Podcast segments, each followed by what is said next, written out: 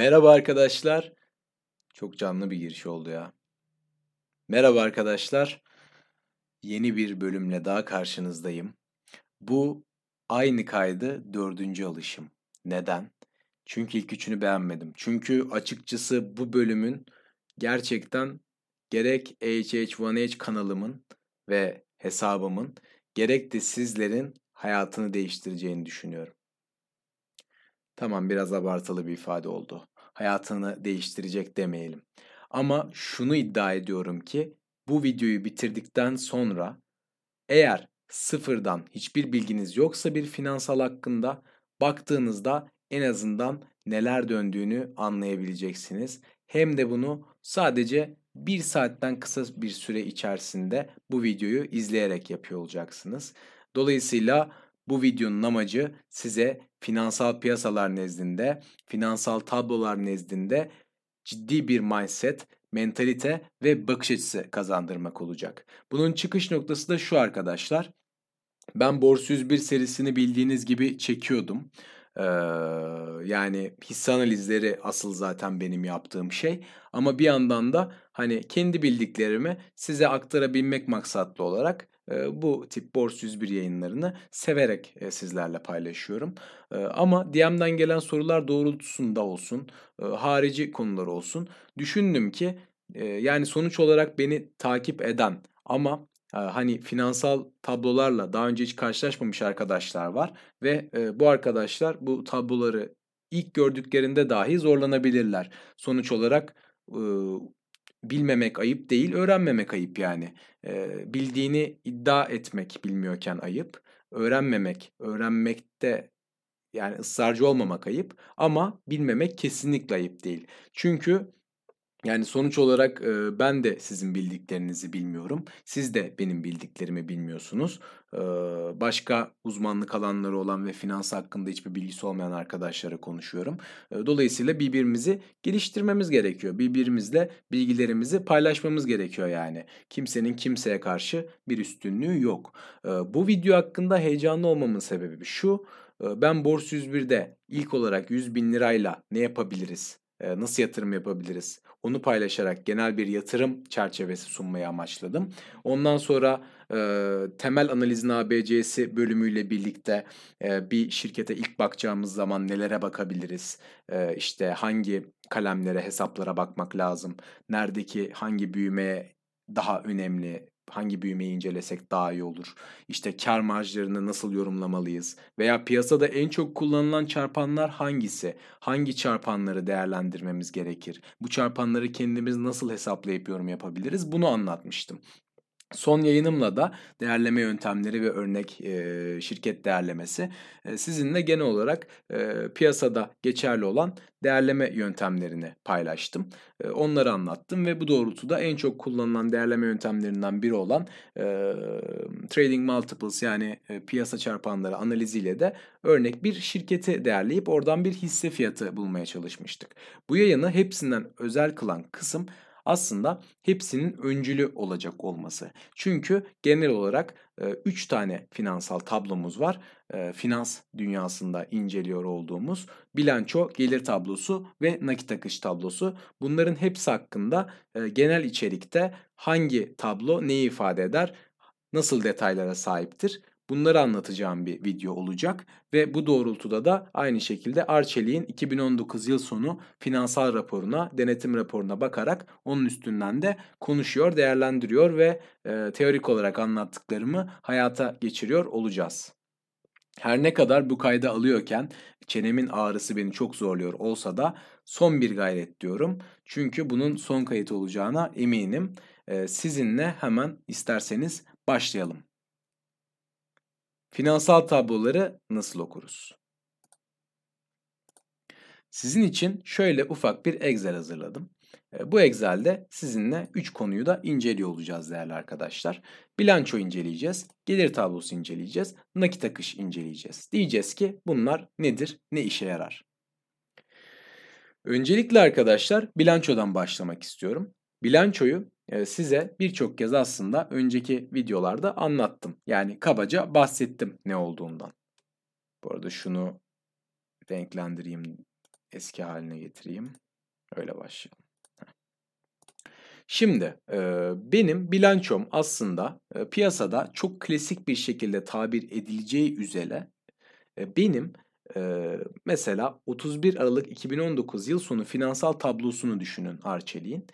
Bir bilançosu aslında şunu ifade eder ki değerli arkadaşlar. 31 Aralık 2019'da bir fotoğrafı çekilse şirketin o fotoğraf nasıl olur? Ben bunu başka bir örnekle açıklamak istiyorum. Bir hastaneye gittiniz, full check-up MR çektirdiniz gibi düşünün. Tüm vücudunuzun MR'ını çektirdiniz. Şeffaf bir şekilde içiniz gözüküyor. İşte bu bilançoyu oluşturur değerli arkadaşlar. Bilanço tamamen o, anlık bir şeydir. Yani yarın öyle olmayacaktır, dün öyle değildir, ondan önceki gün de öyle değildir ve kümülatif değildir arkadaşlar. Tamamen o anın fotoğrafını bize gösteren bir şeydir. Mesela gelir tablosunda nasıl net satışlar tüm sene içinde kümül kümül artan bir şeyse e, bilanço öyle değildir. E, dolayısıyla o anın tamamen e, yansımasını oluşturur. E, öncelikle bu ayrımı bilerek başlamak gerekir. Bizim iki tane temel kısmımız vardır bilançoda. Biri aktifler, pasifler olarak şöyle bir ayrım yapabiliriz. Yani şu sol taraf aktifler, sağ tarafta pasifler olacak şekilde. Bir de e, burada varlıklar kaynaklar olarak aynı ayrım yapabiliriz. E, bunu ben daha çok seviyorum. Çünkü isim olarak bana daha anlaşılır geliyor. Şöyle benim varlıklarım dönem varlıklar ve duran varlıklardır. Bunları nasıl elde ediyor olduğum gerçeği de benim kaynaklarımdır. Yani şöyle, ben 24 yaşında bir gencim, tamam mı? 2-3 yıllık bir özel sektör tecrübem var. ve bende iki tane Ferrari, bir tane de lüks apartman görüyorsunuz diyelim. Bana derseniz ki sen bunları nasıl aldın? İşte bu aslında benim nasıl kaynağımı bu hususta soruyorsanız şirket nezdinde de dönem varlıklara bakıp duran varlıklara bakıp dediğinizde ey şirket sen bunu nasıl aldın? Burada verilecek cevap kaynakları oluşturur bilançoda. Dolayısıyla bilanço arkadaşlar varlıklardan ve kaynaklardan oluşur ve bunların toplamı kendi arasında eşittir. Yani varlıklarımın toplamı 1 milyon liraysa kaynaklarımın toplamı da 1 milyon lira olmak zorundadır. Eğer değilse ups sıkıntı yani. Demek ki yanlış hesaplıyorsunuz, kitaplıyorsunuz. Uzun bir ek mesai sizi bekliyor olabilir gece. Evet arkadaşlar, şöyle başlamak isterim aynı şekilde. Dönem varlıklar ve duran varlıkları birbirinden ayıran fark vadedir.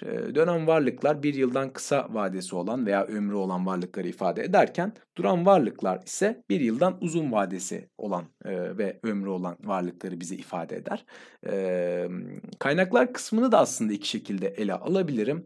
Yükümlülükler ve öz kaynaklar şeklinde. Yükümlülükler benim borçlanmış ol, olduğum halimdir. Mesela iki tane arabam bir tane de evim var diyelim. Ben bunu sorduğunuzda bana nasıl aldın ey Oğulcan diye.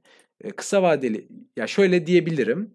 Bankadan kredi çektim aldım. Çok mantıklı olmaz ama sonuç olarak böyle bir açıklama böyle bir perspektif getirebilirim size. Diyebilirim ki mesela birinden borç aldım aldım.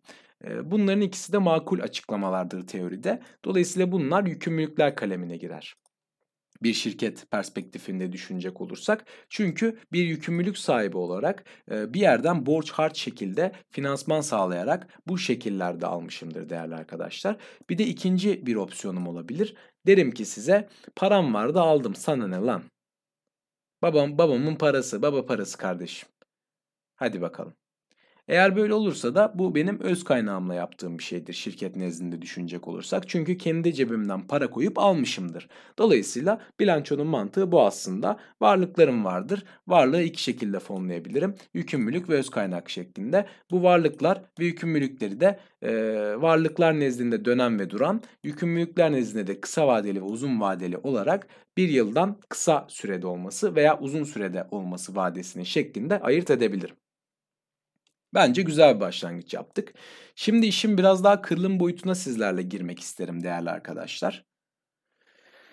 Öncelikle şunu söylemek isterim ki e, biz dönem varlıklarda ilk olarak nakit ve benzerleriyle başlarız. Nakit ve benzerleri yarın e, acil para lazım, hemen bir şeyler yapmamız ve para bulmamız lazım şeklinde bir panik senaryosu olduğunda şirketin bir an önce parayı e, mahsup edip ala, alabilip e, o parayı kullanabildiği hesaptır aslında. Dolayısıyla şirketin hemen paraya çevirebileceği her şeyi gösterir. Nakit ve benzerlerinin alt kırılımları arkadaşlar kasa tabii ki şirketin bildiğiniz e, sembolik de değil yani kasasında duran para şeklinde olabilir. E, banka hesapları şeklinde vadesiz ve vadeli ama tabii ki birazcık aklı varsa vade vadeli mevduatları olabilir. Bununla birlikte alınan çekler, senetler vesaire de nakit ve benzerlerinin konusunu oluşturur diyebiliriz. Dolayısıyla yarın ciddi önemli bir olay olduğunda şirketin hemen e, nakite çevirebileceği paradır. Mesela ticari alacak böyle midir? Değildir. Yani sen adama e, bir ürün satıyorsun. E, adam diyor ki tamam kardeşim ben sana 5 ay sonra vereceğim parasını. Ulan ne yapacaksın? Adamı öldürecek halin yok sonuç olarak. Dolayısıyla bu senin mesela hemen paraya çevirebileceğin bir hesap değil. Dolayısıyla nakit ve benzerleri içerisinde dahil değildir.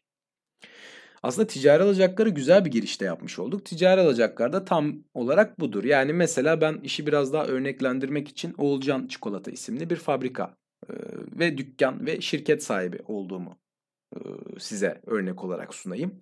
Öyle değilim de yani örnek olarak diyelim ki Oğulcan Çikolata isimli bir şirketimiz var. E, nakit ve benzerleri bu çikolatacının zaten nakiti. E, çok detay vermeye gerek yok. Ticari alacakları nedir? Ben mesela gittim pastanelere, süpermarket zincirlerine, bakkallara, çakkallara sattım bu çikolataları, bu ürünleri. Dolayısıyla eğer bu adamlardan parayı hemen alıp kasama koymazsam bu benim e, ticari alacak e, hesabıma yazmam gereken bir şey olur. Varlıktır. Alacağım elbet ama e, şu an alamadım henüz. E, bu benim ticari alacağımdır. Diğer alacaklarım da aynı şekilde arkadaşlar. Benim en basitinden vermiş olduğum e, avanslar, depozito, depozitolar vesaire olabilir. E, dolayısıyla Burada da bir hizmet bekliyorum. Burada alacak olduğum bir şey var. Yani en basitinden diğer alacaklar nezdinde de ben bunu size örnek olarak gösterebilirim.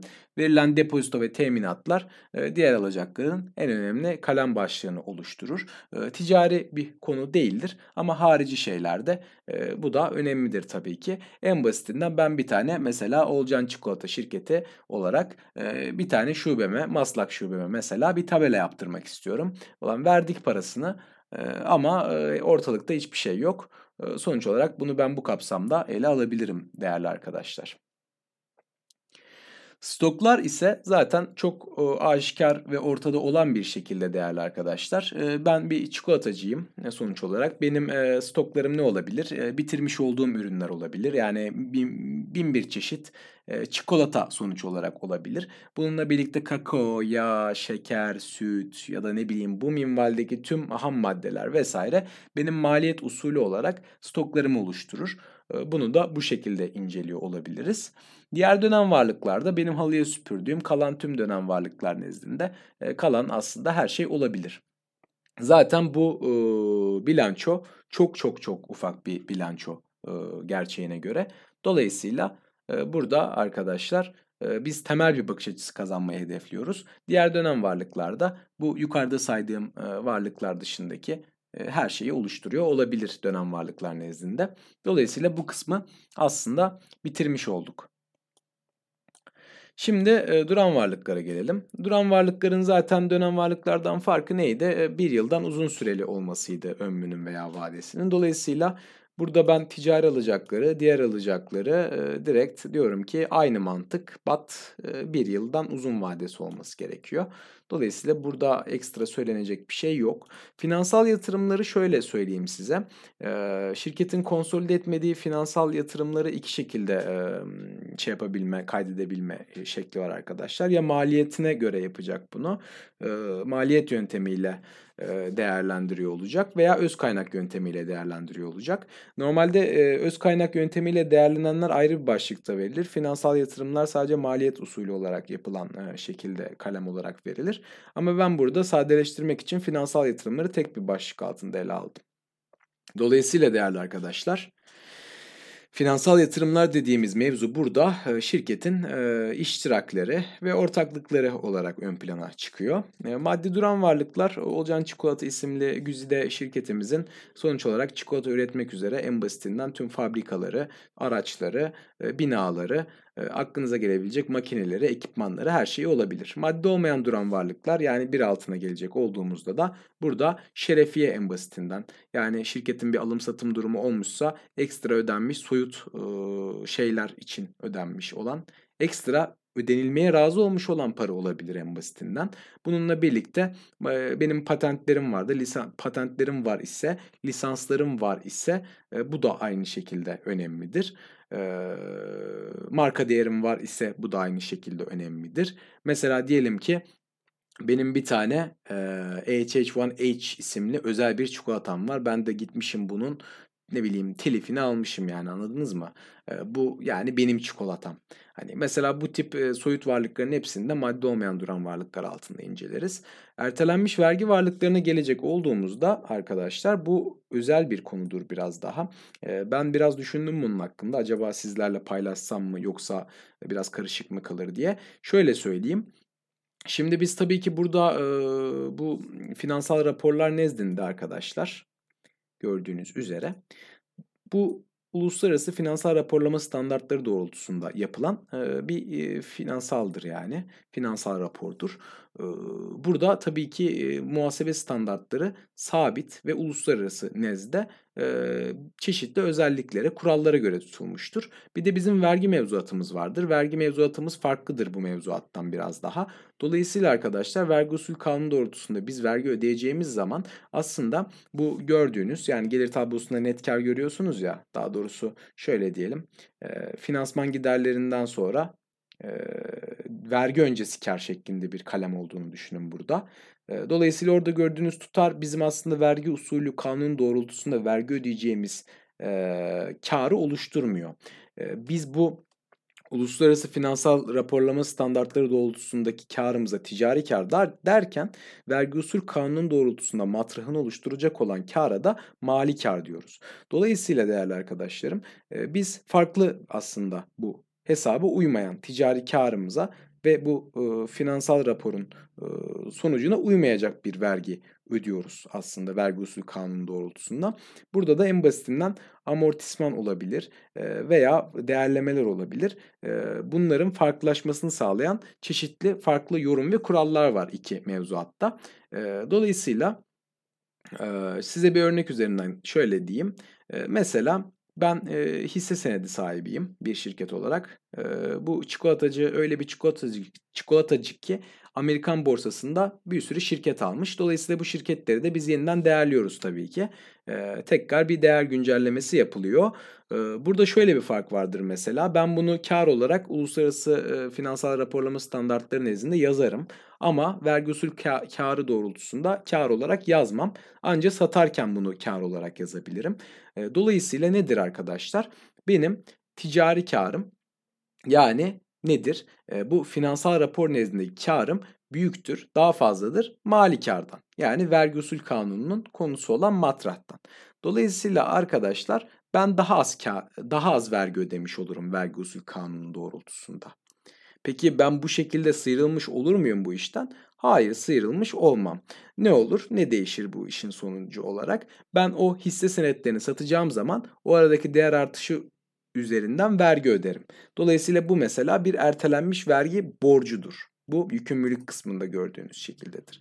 Eğer tam tersi bir dünyada da arkadaşlar eğer benim ödediğim vergi mali kar üzerinden ödediğim vergi, ticari kar üzerinden ödeyeceğim vergiden fazla olursa da ben fazla vergi ödemiş olurum. Dolayısıyla ileride bu daha az vergi ödeyeceğime delalet eder. Çünkü bunun illa bir e, kural değişimi nezdinde çıkışı olacaktır. Bu da ertelenmiş bir vergi varlığıdır.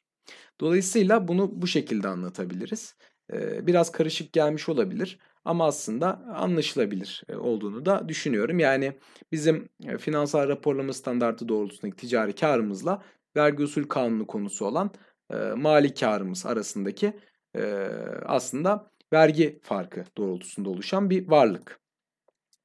Yükümlülükler kısmına gelecek olduğumuzda değerli arkadaşlar, kısa vadeli borçlanmalar benim el almış olduğum aslında finansal borç olarak incelenebilir.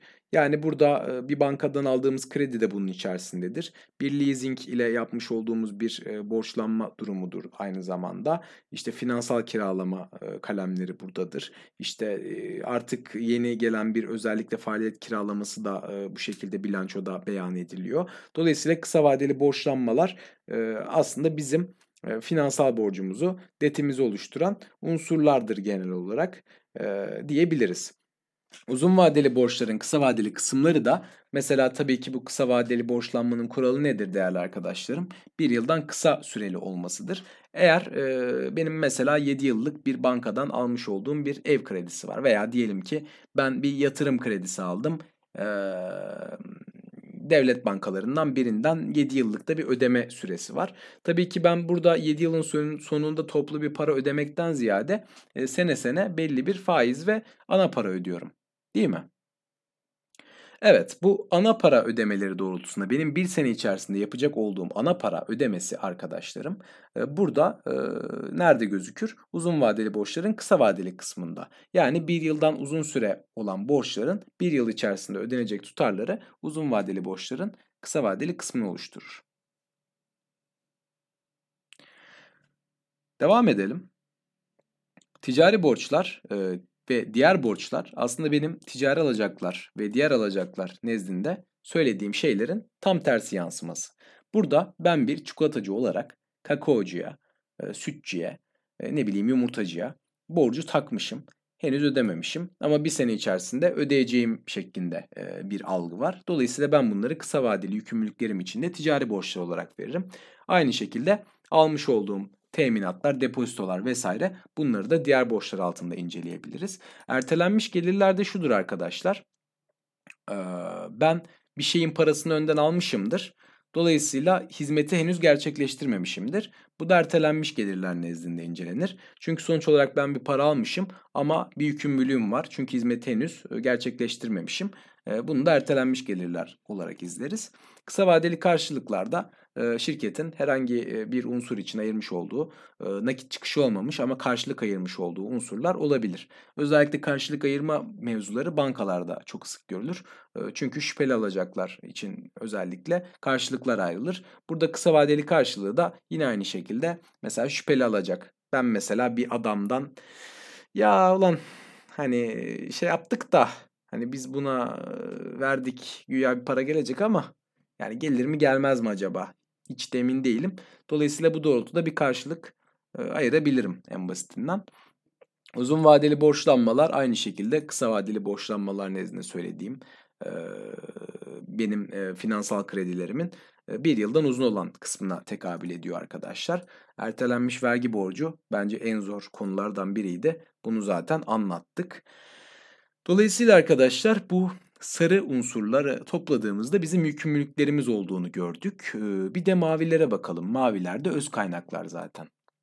Şimdi en basitinden ödenmiş sermaye var burada. Ödenmiş sermaye üzerine birçok kalem gelir ve burada ciddi bir öz kaynak oluşur ama ödenmiş sermaye güzel bir bazdır. Çünkü ödenmiş sermaye konu olan arkadaşlar bunu asla unutmayın. Bir şirkette değerli arkadaşlar her hissenin üzerinde nominal olarak 1 lira yazar. Dolayısıyla bunların normalde bilançoda işlem gördüğü fiyat yani bilançoda geçerken ödenmiş sermaye nezdinde, nezdinde 1 liradır. Dolayısıyla şunu söyleyebiliriz. Şu enteresandır bence. Siz mesela bir şirketin ödenmiş sermayesine baktığınız zaman orada gördüğünüz tutar toplam ne kadar hisse sayısı olduğunu da size gösterir. Çünkü hepsi 1 liradır.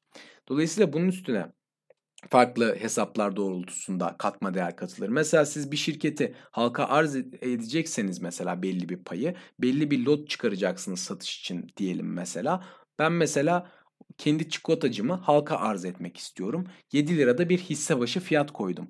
Bunu sattığımda ödenmiş sermayeye yine 1 lira alacağım ben. E, lot başına, hisse senedi başına. Arada kalan tutarı e, mesela hisse ihraç primi olarak yine öz kaynaklar başlığı altına yazacağım. E, ama ödenmiş sermayenin dışında ayrı bir kalem olacak değerli kardeşlerim. E, dolayısıyla bu mudur? Budur bu da.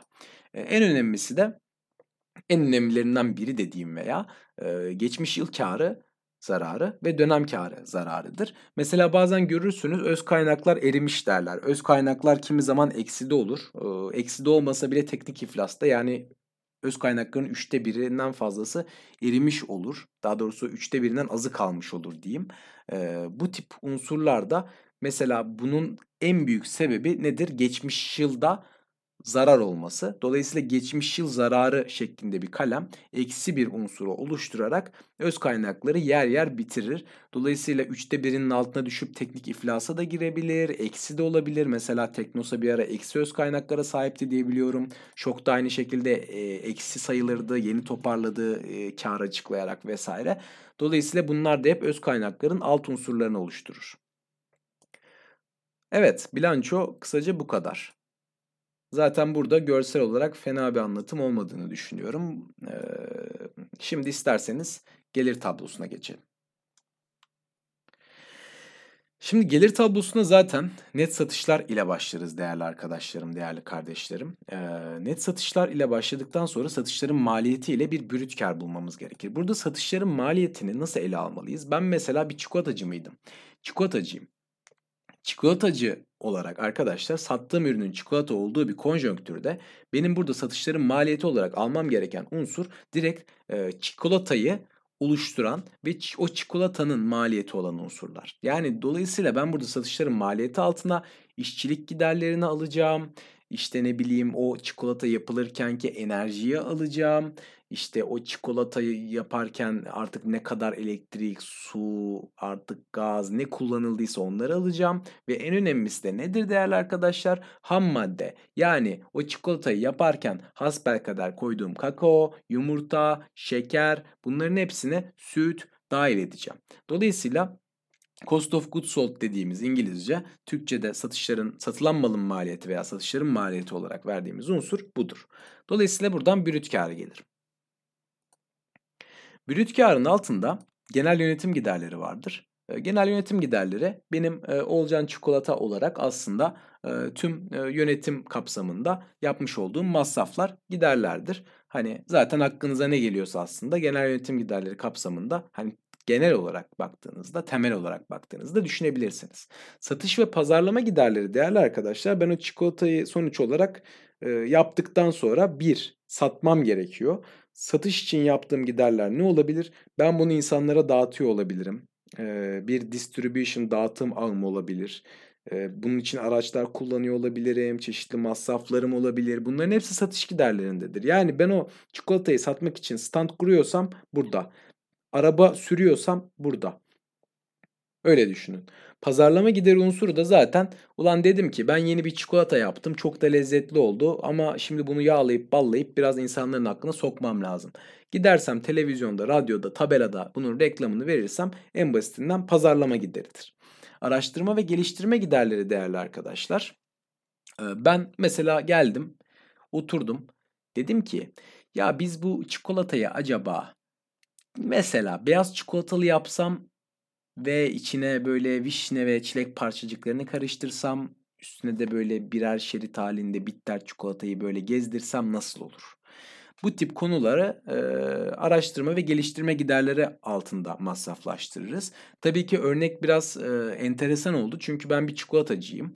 Ama sonuç olarak teknoloji şirketlerinde, endüstri şirketlerinde R&D yani araştırma ve geliştirme giderleri çok yüklüdür. Aynı zamanda çikolatacı deyip küçümsememek de lazım. Nasıl daha uygun maliyetli çikolata üretilebilir? Nasıl elde, elde edilmiş olan malzeme kalitesi arttırılabilir? Nasıl daha efektif ham maddeler kullanılabilir? Bunların hepsini de aynı zamanda araştırma ve geliştirme giderleri altında görürüz. Şimdi gelelim enteresan başlıklardan birine. Esas faaliyetlerden diğer gelirler ve esas faaliyetlerden diğer giderler.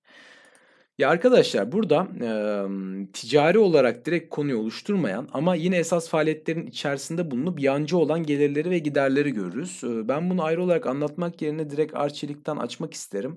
Çünkü Arçelik'te oldukça güzeldi.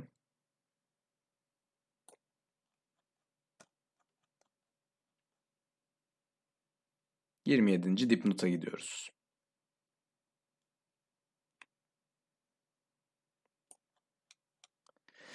Arkadaşlar gördüğünüz gibi burada en önemli iki unsur kur farkı ve vade farkıdır. Ee, yani ben bir ürün e, sattığımda veya aldığımda bu ticari işlem doğrultusunda eğer işlemi döviz cinsinden yapmışsam bir kur farkı e, gelirim veya giderim olması çok olası tabii ki. Bununla birlikte e, vade farkı da olabilir. Yani ben derim ki ben sana bugün satıyorum sen bir sene sonra öde ama şu kadar farklı öde. Bunların hepsi de vade farkıdır aslında. Dolayısıyla ben biraz e, tedarikçimi vesaire daha doğrusu müşterimi fonluyor olabilirim. Aynı şekilde tedarikçi ile yapılan bu bağlamda vade farkı işlemleri de olabilir.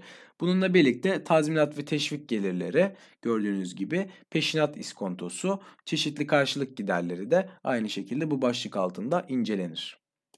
Ve ben bu şekilde esas faaliyet karına gelirim. Şimdi yatırım faaliyetlerinden gelirler ve giderlere de bakacak olursak burada aslında şudur. Göründüğü kadar cafcaflı değildir. Neden diyeceksiniz? Çünkü burada ben genel olarak şunu incelerim. Hatta bunu da isterseniz Arçelik üzerinden açalım. Çünkü hemen biraz altındadır. Evet burada.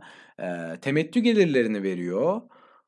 Ve bununla birlikte finansal varlık satış zararlarını veriyor. Yani finansal varlık bizim elimizde tuttuğumuz e, bu hisse senetleri vesaire olabilir en basitinden. E, burada bu e, kar ve zararları incelerken şuna çok dikkat etmemiz gerekiyor. Mesela burada sabit kıymet satış karı ve satış zararı var ya. Sabit kıymet benim elimde tuttuğum makine, ekipman vesairedir. Şimdi ben buradan mesela bir tane makinemi satmak istedim. Ee, kakao ayrıştırma makinesini satıyorum diyelim 500 liraya. Ben buraya gelip satış karı olarak 500 yazmam sakın. Eğer mesela ben o aleti e, 600'e aldıysam ve amortisman olarak zamanında 150 düşmüşsem ve sonuç olarak onun defter değeri 450 kalmışsa ve ben onu 500'e satmışsam buraya 50 girerim. Dolayısıyla burada kesinlikle nakit bazlı gibi düşünmeyin. Burada tamamen defterden defter değerinden olan pozitif fark satış karı olarak negatif fark da satış zararı olarak yer alır. Hem bu sabit kıymetler yani benim makine, ekipman işte bu minvalde olan e, duran varlıklarım vesaire için hem de finansal yatırımlarım e, daha doğrusu finansal varlıklarım için değerli arkadaşlarım. Öz kaynak yöntemiyle değerleme konusunda kar ve zarar unsuru da şu şekilde incelenebilir değerli arkadaşlar. Sonuç olarak ben e, öz kaynak yöntemiyle e, iştiraklerimi ele aldığımda ki bu iştirakler benim kontrol payımın, e, kontrol gücümün e, önemli bir gücümün yani önemli sayılabilecek bir gücün olduğu e, yöntemleri, şirketleri daha doğrusu ifade eder. Bunlardan elde ettiğim karları vesaire hep ben gelir tablosunda o sene için ekstra olarak barındırırım. Hatta eğer hemen ardışığındaysa yine bunu arçelikten açma gibi bir şımarıklık yapacaktım. Ama burada değilmiş. Çeşitli bu e, varlıkların tekrar e, değerlenmesi şeklinde de ilaveten ayrı kar kalemleri oluşabilir. Gördüğünüz gibi kar zararlardan payları alıyorum eyvallah. E, ama bununla birlikte e, diğer kapsamlı gelir giderlerden paylar, stoklar üzerindeki brüt kar elim, eliminasyonu, yabancı para çevrim farkı, temettüler ve iştirak sermaye payı katılımı gibi farklı unsurlar da var. Yani temel olarak ama benim bu öz kaynak yöntemiyle değerlenen yatırımlarım nezdinde elde ettiğim kar zarar, aldığım temettüler bu doğrultuda eğer paylarımı arttırıyorsam veya azaltıyorsam bunların farkları da burada arkadaşlar gelir tablosunun konusunu oluşturuyor diyebiliriz gördüğünüz gibi.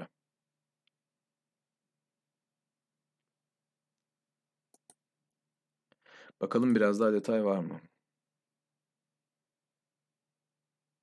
Yani gördüğünüz gibi bence yeterli açıkçası. Finansman gelirleri ve finansman giderleri zaten çok anlaşılabiliyor olacağı üzere en basitinden benim faiz gelirlerim ve faiz giderlerim ve bu doğrultuda komisyon gelirlerim ve komisyon giderlerim olur arkadaşlar. Burada bence finansman gelirlerini en çok ayıran farklardan biri, en benim önemli gördüğüm farklardan biri değerli arkadaşlar. Burada aynı şekilde e, sonuç olarak kasada tuttuğum paradan elde ettiğim faiz geliri var ya Bunları da e, finansman geliri nezdinde incelememiz bence bu oldukça enteresandır. E, bunu da mesela buradan açmayı tercih edeceğim. Hemen de buldum. Artık ezberledim ya. Dördüncü kere aldığım için bu kaydı. Hangi kalem nerede? Hangi dipnot nerede? Artık hakikaten ezberledik yani.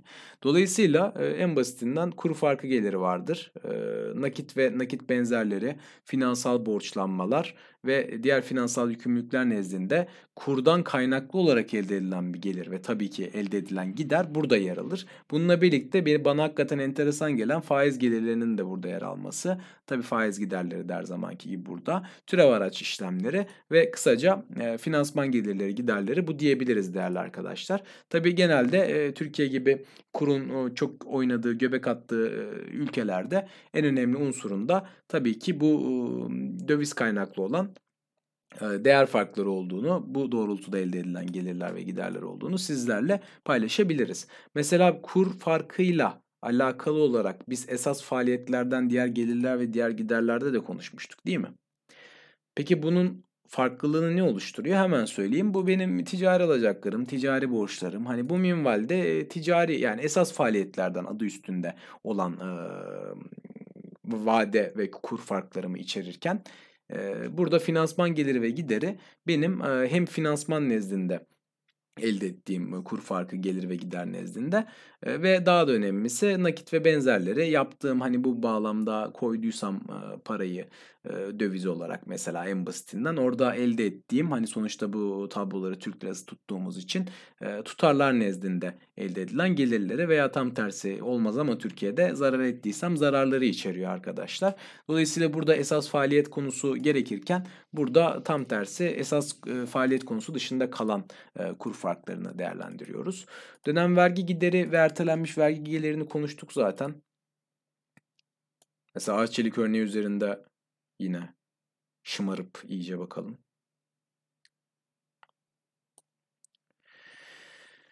Arkadaşlar yani gördüğünüz gibi e, burada dönem vergi gideri var. Bu benim e, tabii ki vergi usul kanununa göre ödüyor olduğum vergidir. E, bununla birlikte e, ben bunu tamamlamak için yani e, bu adını siz söyleyin lütfen e, uluslararası finansal raporlama standartları doğrultusunda e, kendi versiyonuma getirebilmek için aradaki farkı da tabii ki ertelenmiş vergi geliri olarak tutuyorum. Yani bu nezde ne söyleyebiliriz? E, vergi usul kanununa göre daha fazla e, vergi ödemişiz. E, ticari kar üzerinden ödememiz gereken vergiye nazaran. Dolayısıyla bir ertelenmiş vergi geliri oluşmuş diyebiliriz kısaca. Yani ileride bunun ekmeğini yiyeceğiz yani. E, ama ne zaman yiyeceğimiz belli değil. Dolayısıyla ben bunu şu anlık kasaya atıyorum. Ve bu şekilde bir dönem e, karı. Bu arada kasaya atıyorum derken bu bir metafordu. E, bildiğiniz gibi e, bilançoda bizim ertelenmiş vergi varlığımız var. E, dolayısıyla ertelenmiş vergi varlığına bunu yerleştiriyor olacağız. Dolayısıyla arkadaşlar bu şekildedir. Burada şunu da sizlerle paylaşmak isterim. Dönem karına geldik ama Dönem karında gördüğünüz gibi bir ana ortaklık payları var bir de kontrol gücü olmayan paylar var. Bunu Arçelik örneği üzerinden hemen anlatmak isterim. Şimdi Arçelik'in bildiğiniz gibi bağlı ortaklıkları ve iştirakleri var ve bunlar üzerinde belli bir yüzde pay sahibi değil mi? Ve bunları kontrol ediyor.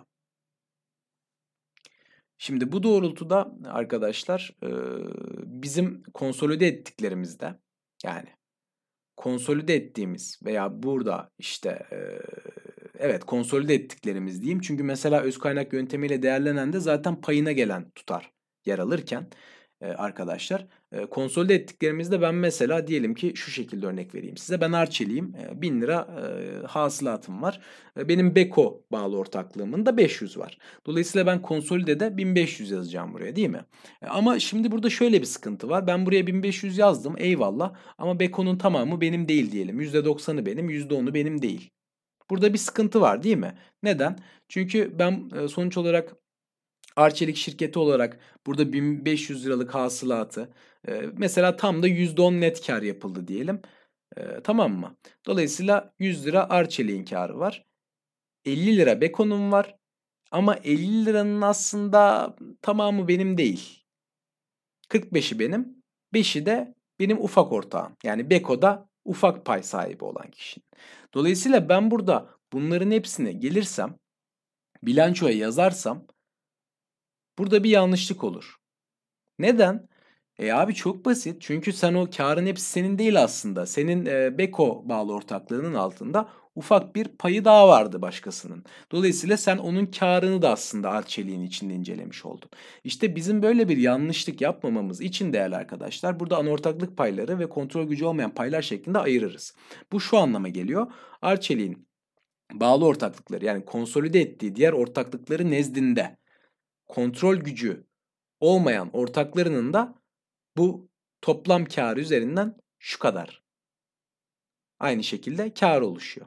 Dolayısıyla Arçelik'in kendinden ve bağlı ortaklıklarından almış olduğu asıl ama asıl kar bu. Peki diyeceksiniz yani biz abi hep dönem karı bakıyoruz. O zaman ana ortaklık payı baksak daha doğru olmaz mı?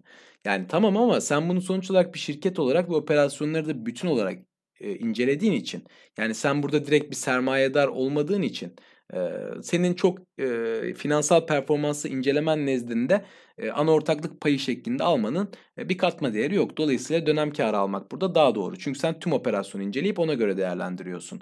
Ama tabii ki öz kaynağı geçirirken bu ayrıma dikkat ederek geçirmem lazım. Çünkü ana ortaklığa ait öz kaynaklar farklı, kontrol gücü olmayan paylar farklı değerli arkadaşlar. Burada e, gördüğünüz gibi kontrol gücü olmayan paylar da aynı şekilde mevcut. Demek ki Arçelik'in e, bağlı ortaklıklarının altında e, o e, ortaklık yapısı altında bunların hepsi sonuç olarak tabii ki %100 Arçelik'in bağlı ortaklığı olmadığı doğrultuda veya Koç ailesinin ortaklığı olmadığı doğrultuda neymiş arkadaşlar? Başka ufak ufak ortakları da varmış ve bunlar da büyümüş de kar alıyormuş. Evet arkadaşlar, gelir tablosu da böyle. Ben inşallah bayılmadan bu kaydı bitireceğim nakit akışı da sizinle paylaştıktan sonra. Şimdi nakit akış yani özellikle modellerde en önemli unsurlardan biri. Çünkü biz serbest nakit akışı oldukça değerleme yapacağımız zaman önemli bir unsur olarak bulur. Ve discounted cash flow metodunda indirgenmiş nakit akışında da zaten bunu önemli bir kalem olarak görürüz. Hatta EBITDA'dan başlayarak serbest nakit akışı hesaplar. Oradan işimize bakarız değerli kardeşlerim. Dolayısıyla nakit akışı biraz daha havada kalması nezdinde derslerde de en çok önem verilen tabloların başında gelir yani. E, teoride nakit akışı şöyledir. Ben dönem karını alırım. Buna amortisman eklerim. Çünkü şimdi nakit akışının felsefesini önce anlatmak gerekirse çok basit. Hatta bana kalırsa tahakkuk esasına sahip olan gelir tablosundan daha da basit. Nedir? Şöyle, nakit akış şuna bakar. Para geldi mi? Bakkal ya hani bakkalları küçümsediğim için demiyorum ama pragmatiklik ve pratiklik açısından diyorum. Bakkal. Mesela ben diyorum ki ya ben işte şu kadar ürün sattım. Tamam parayı aldın mı? Abi yok yani ticari alacak işte alacağız iki aya falan.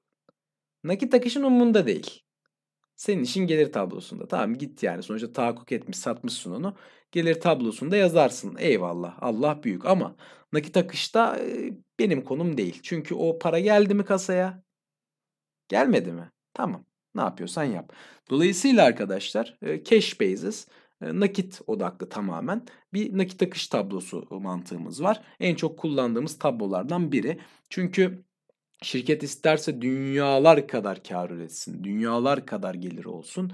Eğer sen orada bir nakit olarak onu göremiyorsan onun hiçbir anlamı yok. Mesela bir banka olarak da düşünecek olduğunuzda siz bir adama kredi vereceksiniz. Kağıt üzerinde hayvan gibi net karı gözüküyor. Ama günü geldiğinde sana borç ödemesini o şirket yapacağı zaman ödeyecek nakit yok. E abi ben o net kardan ne anladım? Şirketi ben sonuç olarak evlat olarak mı alıyorum yani? Dolayısıyla bana önemli olan arkadaşlar gereken kardeşim nakiti var mı? Parayı ödeyebiliyor mu? İşte bunu da görebileceğimiz yer nakit akışı. Arkadaşlar nakit akışı dönem karıyla başlar. Amortisman bildiğiniz gibi benim sonuç olarak harcadığım bir tutar değildir aslında. Olan mallarımdan, mülklerimden, ekipmanlarımdan, makinelerimden düşen yıpranma payıdır. Dolayısıyla kasadan sonuç olarak hani mesela benim 500 liralık bir telefonum var diyelim. Yani 5 senelik de ömrü var. Dolayısıyla ben her sene 100 lira amortisman yazacağım değil mi? Ömründen düşeceğim o telefonun. E peki ben bunu şöyle mi yapıyorum? Gidiyorum bir yere her sene 100 lira ödüyorum. Abi ya benim telefonun değeri düştü de 100 lira. Şu 100 lirayı alabiliyor musun mu diyorum. Yo. Yani değer kaybediyor sadece. Ben orada amortisman olarak onu anlatmaya çalışıyorum. Dolayısıyla dönem karını amortismana eklerim. İşletme sermayesi değişimini de gözden geçiririm. Bu da şu şekilde olur. Benim işletme sermayesi ihtiyacım artıyorsa yani şöyle ki ticari alacak ve stoklarım artıyorsa, ticari borçlarım artmıyorsa ya veya işte ticari alacaklar artı stoklar eksi ticari borçlar artıyorsa yani ben daha fazla işletme sermayesiyle işlem yapıyorsam bunu eksi olarak yazarım. Çünkü ben daha fazla nakitim artık o, işletme sermayesine ayırıyor olmalıyımdır değil mi arkadaşlar? Dolayısıyla burada benim ticari alacaklarım ve stoklarım artıyorsa ama e, ticari borçlarım e, bunların toplamı kadar artmıyorsa bu demektir ki benim işletme sermaye artıyor. İşletme sermayemdeki artışta benim daha fazla nakiti orayı fund etmek üzerine kullanmam gerektiğini gösterdiği için işletme sermayesi değişimi burada e, benim nezdimde eğer işletme sermayesi artıyorsa ben burada bunu nakit nezdinde eksi yazarım. Dolayısıyla bu benim işletme faaliyetlerimden nakit akışımı oluşturur. Duran varlık alımı, satımı ve diğer harcamalar nezdinde yatırım faaliyetlerinden nakit akışımı bulurum. Burada şu önemli. Benim size gelir tablosunda söylediğim yatırım faaliyetlerinden gelirler ve yatırım faaliyetlerinden giderler şeklinde olan durum burada yok. Burada benim mesela 1000 liralık bir ekipmanım var. Ben bunu 400 liraya sattım. Duran varlık satımı 400. Konu kapandı.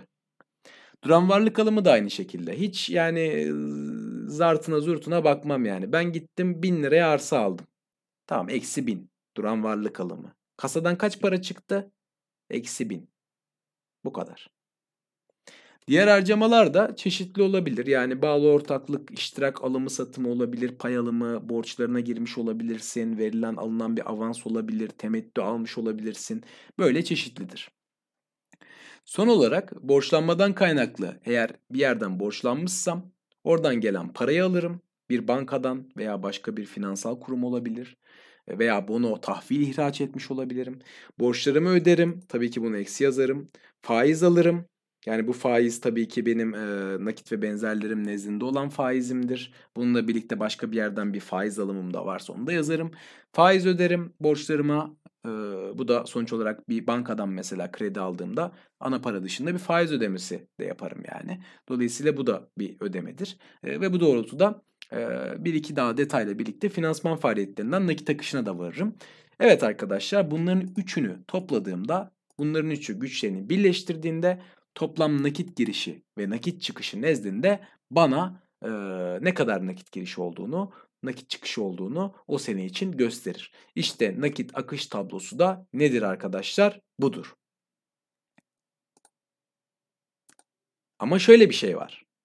Şimdi nakit akışın gerçek tablosu bundan biraz daha çetrefilli ve karışıktır. İsterseniz onu da konuşalım. Şimdi dönem karıyla başlarız yine. Dönem karı net düzeltmeleri adı altında bir amortisman falan ekleriz. Şimdi burada farklı düzeltmeler var. Şimdi değer düşüklüğü yani değer düşüklüğü benim biraz amortisman örneğim gibi oluyor. Yani ben çıkarıp birine 100 lira veriyor muyum? Abi benim bir sene geçti telefonun değeri 100 lira düştü al 100 lira. İşte hel helal et falan. Hani böyle bir mantık yok. Dolayısıyla değer düşüklüğü düzeltmeleri falan bu doğrultuda tahakkuk esasına göre olan ama cash basis nakit esaslı olarak olmayan olmamış olan her şeyi eklemeye ve düzeltmeye devam ederim. Bu doğrultuda karşılıklarla ilgili düzeltmeler de yaparım. Mesela ticari alacak karşılığım var.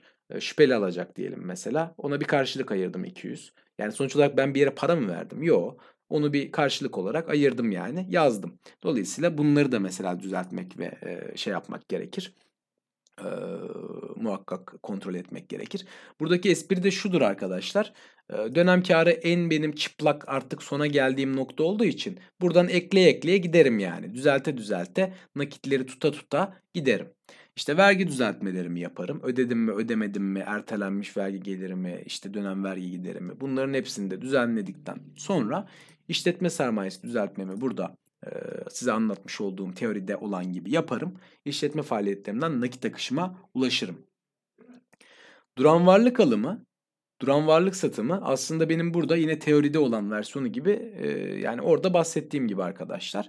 Bağlı ortaklık iştirak alım satımı da işte aldığım payları ve sattığım payları buraya eğer alıyorsam eksi tabii nakit, alıyor, satıyorsam da artı nakit olarak yazdığım kısım. Verilen alınan avanslar zaten ortada ve alınan temettüler de benim bağlı ortaklıklarımdan, iştiraklerimden aldığım değerli arkadaşlar temettülerdir. Buradan da bir yatırım faaliyetlerinden nakit akışına ulaşırım. Son olarak borçlanmadan kaynaklanan nakit girişi borç ödemeleri, faiz alımı ve faiz ödemesini ben zaten teoride nakit akışı kısmında size söylemiştim. Burada ödenen temettü de var tabi ee, arkadaşlar. Eğer ben bir yere temettü ödüyorsam kar payı nezdinde e, ortaklarıma yani beni tutan adamlara, benim sermayedarlarıma bir temettü ödüyorsam bunda ödenen temettü olarak finansman faaliyetlerinden e, gider olarak nakit çıkışı olarak yazmam gerekiyor. Şimdi arkadaşlar bunların üçünü topladığınızda normal şartlar altında toplam nakit girişi çıkışına ulaşırsınız. Ama burada bir de çevrim farkı diye bir olay var. Ondan bahsetmek isterim sizlere. Burada da gördüğünüz gibi burada bir unsurdur yani. Tabi siz bunu görmüyor olabilirsiniz. Bu da şudur arkadaşlar. Benim mesela bağlı ortaklıklarım bu konsolide ettiğim zımbırtılar var ya. Bunlar mesela diyelim ki Avrupa'da. Ki mesela arçelik için en güzel örnek bence Beko. Beko'nun da Euro cinsinden e, finansallarını oluşturduğunu düşünelim ki muhtemelen Euro cinsinden oluşturuyordur zaten. E, şimdi bunları ben konsolide ettiğimde tabii ki bilançoyu vesaire konsolide ederken dönem farkı olacak değil mi? Yani her dönem her sene farklı bir e, şey yapacağım kur kullanacağım doğal olarak. Ve bu kur da Türkiye gerçeğinde genel olarak artan bir kur olacak ama neyse çaktırmayın siz yine. Yani sonuç olarak mesela adam bu Beko şirketi arkadaşlar Euro cinsinden kalemlerini yazarken ben de bunları Türk lirasına çevirip konsolde ederken çevirdiğim kur farkı çevirdiğim kur nezdinde bir fark olacak. Zaten bu da çevrim farkı adı üstünde.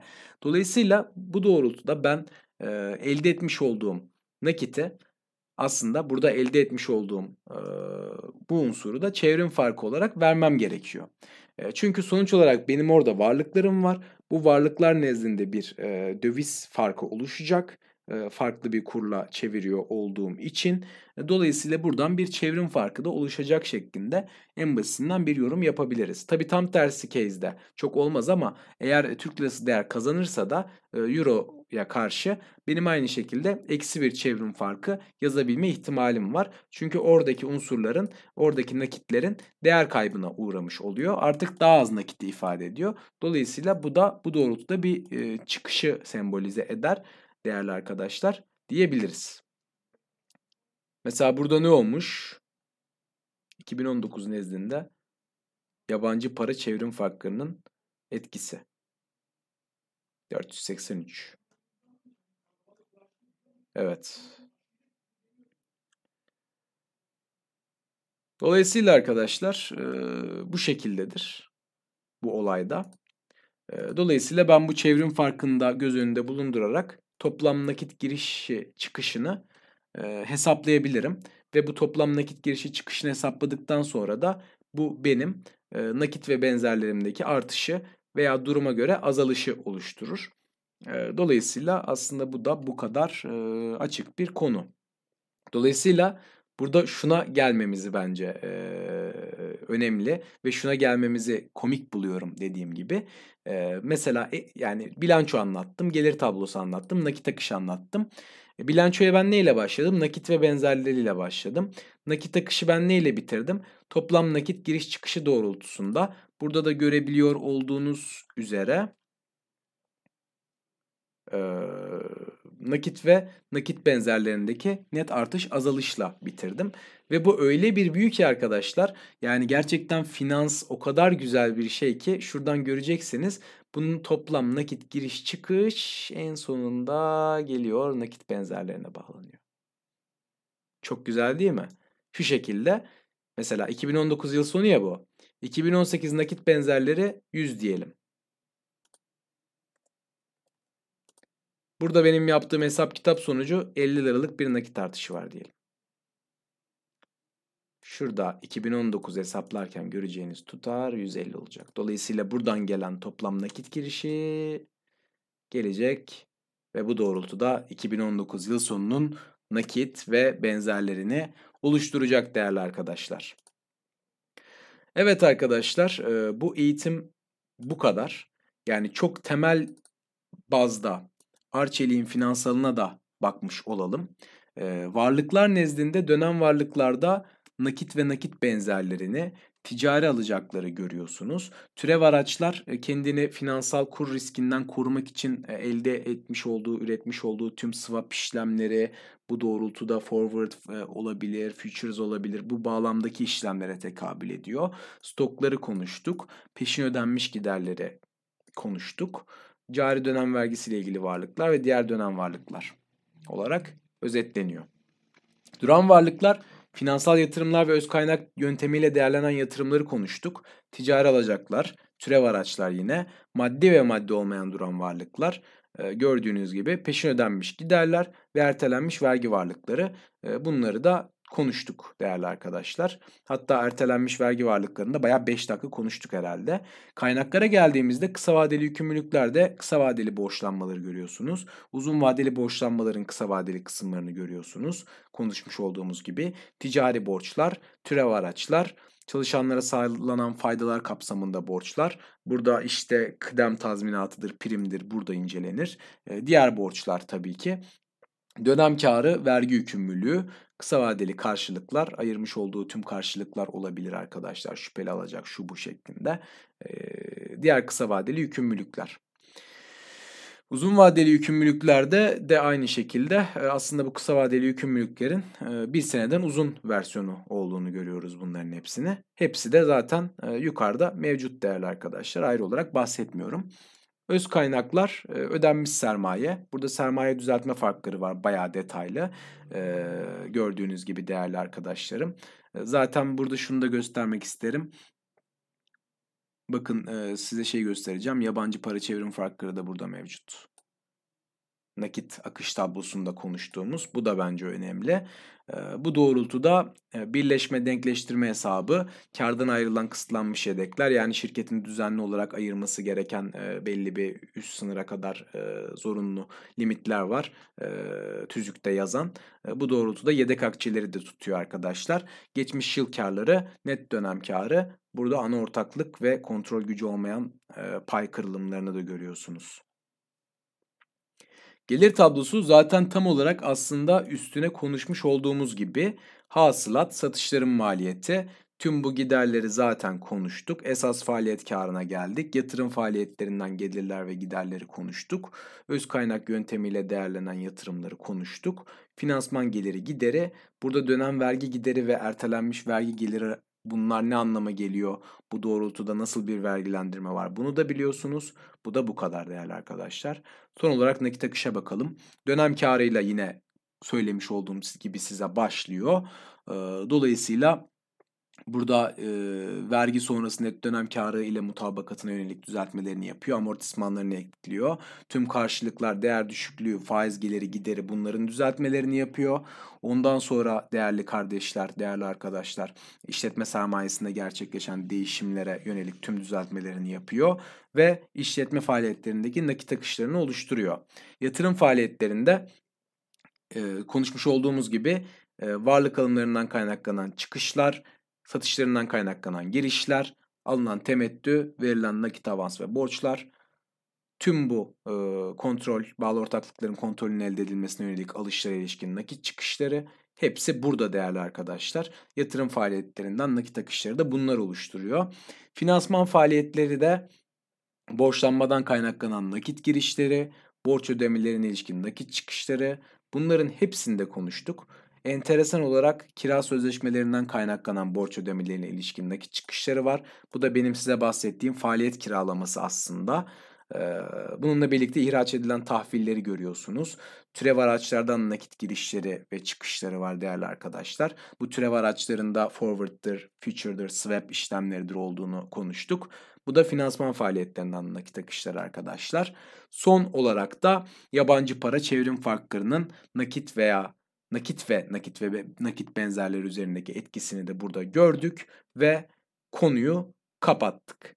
Dolayısıyla kalan tüm unsurlar bizim bu hesap kırılımlarını daha detaylı görebilmemiz için olan detay not unsurları arkadaşlar. Bunları da incelemelisiniz. Gerçekten çok faydası var ve bir şeye baktığınızda yani bunun size söylemiş olduğum gibi temel bir anlayış, temel bir mindset, temel bir mentalite olarak sizin işinize yarayacağını unutmayın. Yoksa siz bakacağınız zaman mesela bir kısa vadeli borçlanmalara Not 7'ye giderek bunun detayına değerli arkadaşlar bakmak zorundasınız. Bunun da çok ciddi bir önemi var. Bununla birlikte arkadaşlar konsolide finansal tablolar ve bağımsız denetim raporunda genel geçer bilgileri de bulabiliyorsunuz. Hangi e, konsolidasyonlar var, e, hangi bağlı ortaklıkları, hangi iştirakleri var, ne şekilde bunların e, şeyini yapıyor, e, değerlemesini yapıyor. E, bununla birlikte e, tüm bu unsurları kiralama standartları olsun, başka unsurlar olsun kullanan her şeyi yani ilişkili taraflar ve ilişkili olmayan taraflara kadar görebiliyorsunuz değerli arkadaşlar. Buradan zaten ne kadar detaylı bir çalışma olduğunu da görüyoruz aslında. Dolayısıyla bir saatlik ilk yayınımız. Kendimi alkışlıyorum. Eğer siz de buraya kadar geldiyseniz sizi de alkışlıyorum değerli arkadaşlar. Bence faydalı bir eğitim oldu. En azından bir finansala bakıyor olduğunuz zaman genel geçer bir anlayış kazandığınızı yani tabiri caizse boş gözlerle değil artık neyin ne olduğunu nispeten temel olarak, basit olarak bilerek bakacağınızı düşünüyorum. Bunun da bundan sonraki Borsa 101 bölümlerimiz olsun. Benim bundan sonra yapacağım hisse analizleri olsun bunu çok olumlu olarak etkileyeceğini, bundan sonraki yayınlarımı çok daha iyi anlayacağınızı düşünüyorum. Özellikle herhangi bir temeli olmadan sıfırdan bu videoyu izleyen arkadaşlar için o böyle olduğunu söyleyebilirim. Tabii ki belli bir e, birikimi, donanımı olan bu konuda arkadaşlar için böyle olmayacaktır. Çünkü bu daha en başından bir temel oluşturmayı amaçlayan bir video oldu. Ama zaten e, bu bilgi ve birikime sahip arkadaşlar da videonun bu kısmına kadar gelmemişlerdir diye düşünüyorum. İşte işler böyle arkadaşlar. Dördüncü kaydımda sonunda muvaffak oldum ve istediğim kaydı almayı başardım. Her ne kadar çok yorulmuş olsam da bayılacak gibi olsam da şu an biraz da hızlı konuştum. Bunun da farkındayım.